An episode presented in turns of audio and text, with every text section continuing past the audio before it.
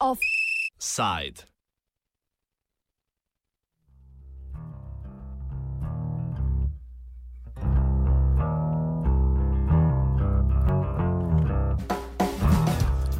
Jemen, tisoč dni pozneje.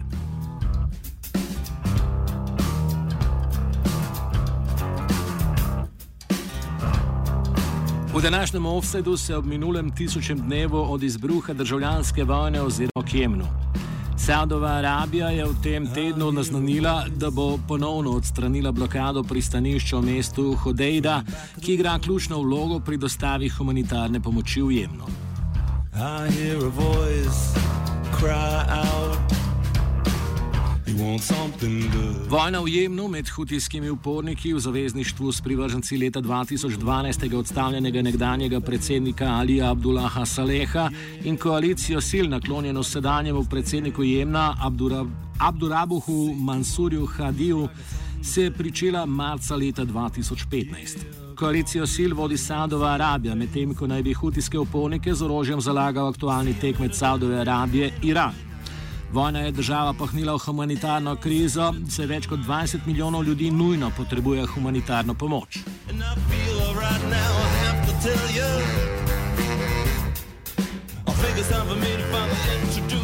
Saudo Arabija je za najmanj 30 dni ponovno odprla jemensko pristanišče Hodeida. Sogovorec Primoš Trbenc z Univerze na Primorskem pojasni, da pristanišče igra zelo veliko vlogo pri oskrbi civilnega prebivalstva v Jemnu in podarja, da večkratne blokade pristanišča strani Saudove Arabije igrajo pomembno vlogo tudi pri izbruhu kolere v Jemnu. Trenutno naj bi bilo s kolero okuženih že okrog milijon prebivalcev, kar velja za največji izbruh te bolezni v moderni zgodovini. Ja, vsekakor je mogoče reči, da da je to pristanišče glavna žila, eh, dovodnica življensko pomembne tekočine, se pravi krvi humanitarne jemnu, kajti čez njo prihaja večina hrane, zdravil in pa goriva za jemen. Eh, dosedanja katastrofa v Jemnu, na katero veliko krat pozabljamo in vključuje največji izbruh kolere v modernem času, je v veliki meri obstajala in še vedno obstaja, zaradi tega, ker ravno čez skozi to pristanišče v Hodejdi ni prišlo dovolj goriva v državo, to gorivo pa poganja črpalke za vodo, s katero črpajo čisto vodo v Jemnu in posledično so bili prebivalci Jemna prisiljeni piti oporečno vodo, zato je izbruhnila kolera. Torej, To, da se je pristanišče odprlo, je vsekakor pozitiven znak, vendar pa moramo ohraniti določeno mero skepse, kajti tudi do sedaj pristanišče Hodejda ni bilo vse čas zaprto. Torej, zgolj občasno je Saudska Arabija s svojimi zavezniki blokirala torej, dostop humanitarne pomoči. Uh, drugače pa je problem tudi v tem, da v pristanišču ne delajo več žerjavi oziroma da žerjavi, ki pretovarjajo tovor, ne delajo najmanj, kar je mogoče reči, optimalno in da Saudska Arabija nedavno tudi recimo ni sprejela ameriške pobude, da bi pripeljali nove žerjave. Tako da vsekakor, kljub temu, da kot pravim, je to pozitivna novica, moramo ostati še v določeni meri skeptični, da vidimo, ali bo to trajalo dlje časa. Preden pa se dejansko ne konča vojna, eh, pa bi sploh bilo preuranjeno govoriti o preboju v smeri torej, boljšega položaja za civiliste. Večkratne blokade pristanišča Saudova Arabija upravičuje z namenom preprečevanja vstopa orožja, ki naj bi ga Iran dostavljal hutijskim upornikom. Prej treba povdariti, da tudi blokada Hodejde vsekakor ni prinesla, torej, oziroma ni mogla prinesti preprečevanja dostave iranske pomoči kakršne koli že hutijem. Kaj ti Iran je vsekakor s svojimi obveščevalnimi službami tako zelo sofisticirana država, da je našel vse druge poti za to, da bi pomagal hutijem. Ne pozabimo, jemenska obala je zelo dolga, torej Iran je verjetno vsaj določeno pomoč v orožju oziroma logistiki pošiljali tudi, pošiljali tudi preko Omana. Tako da ta blokada Hodejde je bila precej simbolična v smislu, češ mi Saudici sedaj preprečujemo iransko pomoč, ker je prizadela bolj ali manj civiliste.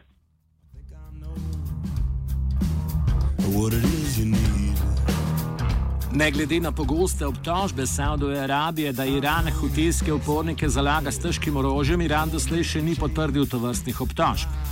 Hutijske upornike Saudova Arabija razume kot marionete iranske oblasti, a kot izpostavlja štrebenc, iranski vpliv nad Hutiji v Jemnu ni tako enoplasten, kot je pogosto razumljen.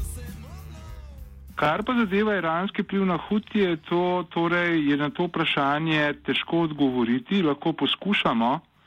Vsekakor je mogoče reči, da ne drži teza, ki jo vse čas postavlja Saudska Arabija, da so Huti zgolj podaljšana roka Irana oziroma nekakšna marionetna milica Irana. Kajti v preteklosti se je že izkazalo, da Huti večkrat niso bili pripravljeni, ko je šlo za zelo pomembna vprašanja, poslušati sugesti Teherana. Prvič je to zgodilo, ko je Iran torej Hutijem jasno sugeriral, da naj ne zasedejo glavnega mesta Sane oziroma predsedniške palače januarja 2015. Drugič pa potem, ko je odstavljeni predsednik oziroma strani Hutijev pregnani iz predsedniške palače, predsednik uh, Hadi zbežal ju, na jug proti Adnu, je tudi Iran sugeriral Hutijem, da naj ne prodrejo za njim proti jugu, pa so to kljub iranskim sugestijam storili. Torej, moramo vsekakor malce bolj eh, skeptično gledati na to, da naj bi bili Huti zgolj podaljša roka Irana. Je pa res, da seveda Iranu ustreza, da Huti vodijo to vojno v proti Saudski Arabiji, kajti preko nje se Saudska Arabija kot uh, regionalni rival Irana izčrpava finančno in pa trpi tudi saudski imič. Kar pa zadeva vojaško pomoč Irana, je tukaj tudi potrebna določena torej, uh, subtilnost pri ocenah. Vsekakor je po moje dejstvo, da Iran vsaj v določeni meri preko urjanja, tudi preko Hezbolaha, kot ste omenili, in pa preko lastnih svetovalcev in pa logistično pomaga Hutijem.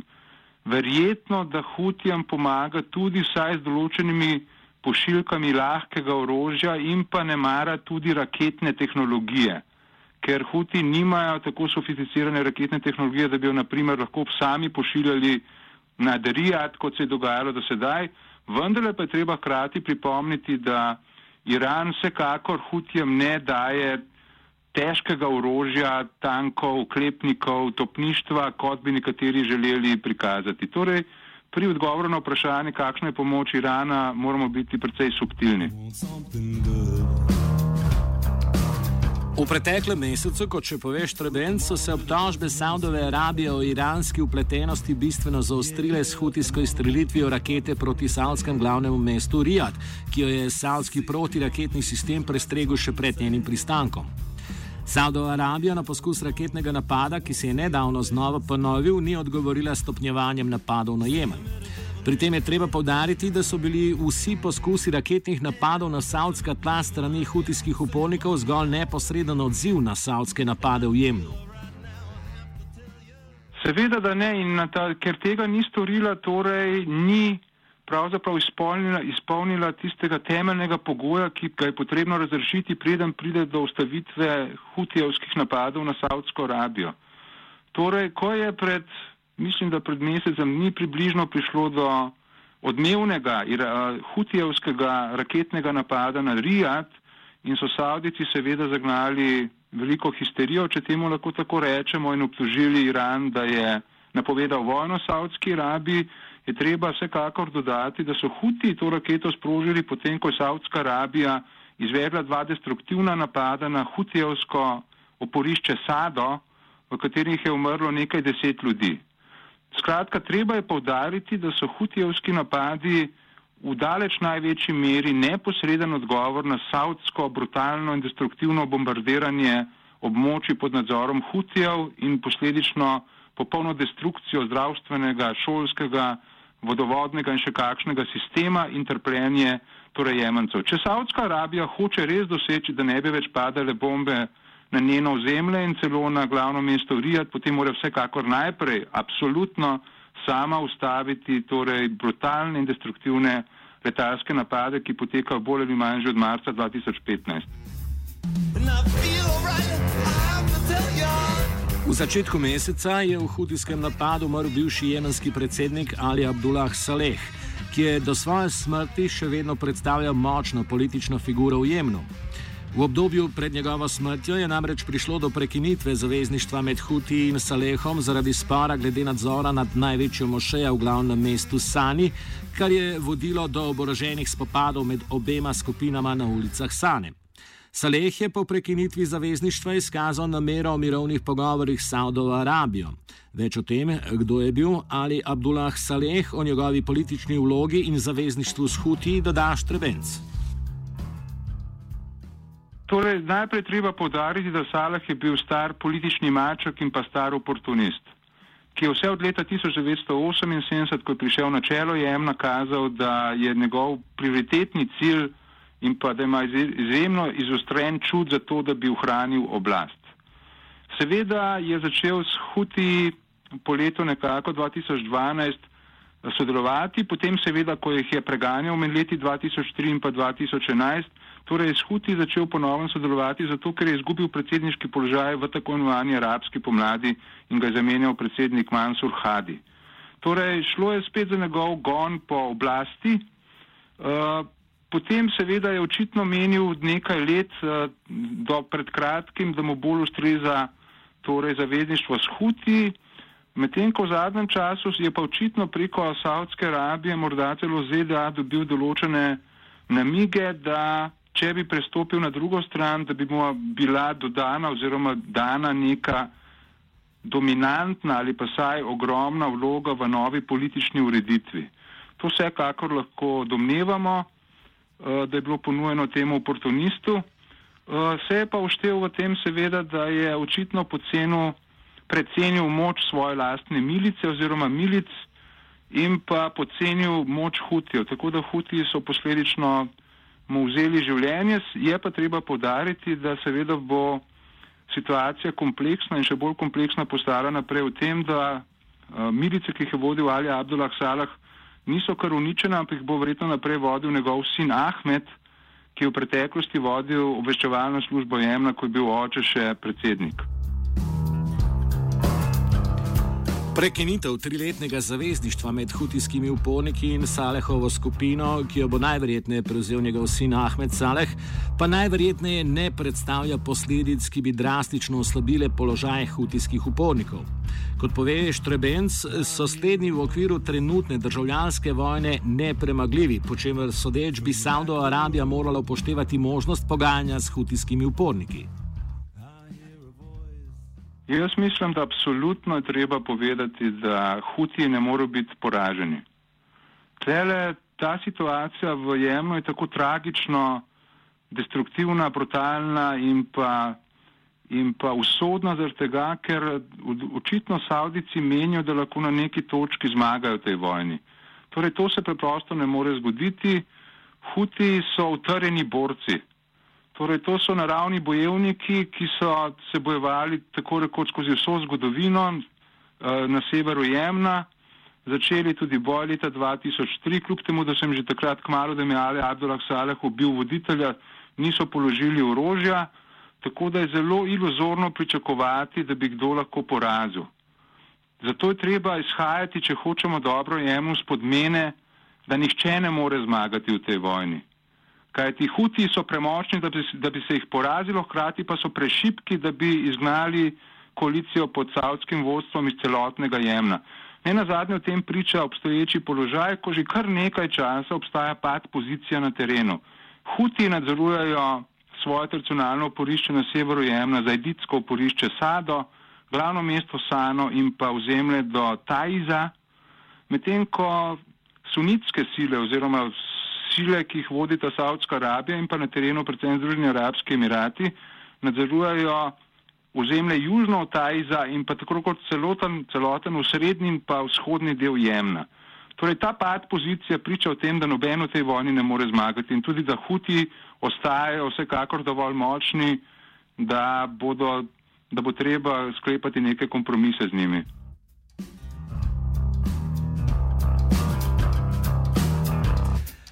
Saudskega vojaškega posredovanja do sedaj še ni obsodila nobena od svetovnih velesil. Tri glavne prodajalke orožja Saudicam so namreč Združene države Amerike, Velika Britanija ter Francija. Podpora Združenih držav Amerike do Saudove Arabije se je še povečala po izvolitvi Donalda Trumpa za predsednika ZDA. Štrebenc je kritičen tudi do mirovnih predlogov Organizacije Združenih narodov, ki so se osredotočili zgolj na razorožitev hutijskih upornikov. Jaz mislim, da kar zadeva torej pomembnega akterja, to so Združene države Amerike, teh pritiskov pravzaprav ni. Vemo, da Obama torej od samega začetka saudske, saudskega torej bombardiranja Jemna oziroma hutijevskih položajev marca 2015 ali bolje rečeno popolnega destruiranja celotnega Jemna, eh, Obama ni naredil pravzaprav nič, še prejšnji predsednik, da bi ustavil to saudsko divjanje, ker je ker je sledil nekemu quid pro quo. Mi vam damo proste roke v jemnu Saudici, vi pa sprejmete jedrski uh, sporazum z Iranom. Potem, ko je Saudska Arabija vendarle pobila preveč jemenskih civilistov iz zraka, je Obama vendarle začel v določeni meri namigovati, da bo malce zmanjševal svojo podporo, ki je seveda obveščevalna bila, logistična uh, in pa tudi z bombami oziroma raketami. Ampak jaz mislim, da zdaj, ko je prišel Trump na oblast, da se je ta popolna ameriška podpora Saudski Arabiji, torej vojaška z bombami, raketami, logistična, ne pozabimo, da ameriška letala dovajajo v zraku gorivo saudskim letalom. Saudici nimajo tehnologije, da bi lahko v zraku napajali svoje letala z gorivom, to delajo američani. Hkrati pa Trump več kot očitno kaže, da ima izjemno afiniteto do saudskega režima.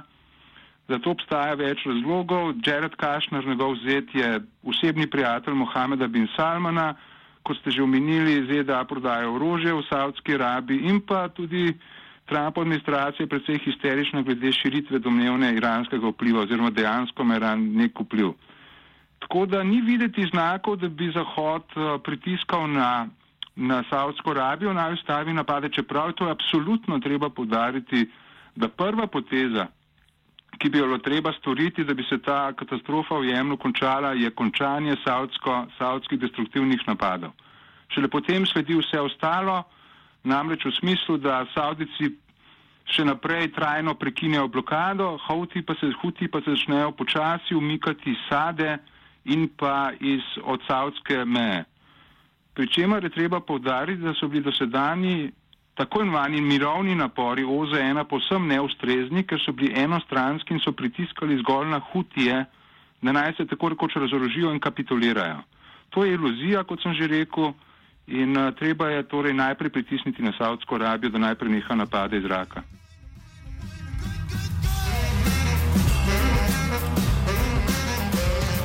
Offset sta pripravila vajenec Daniel in Žiga.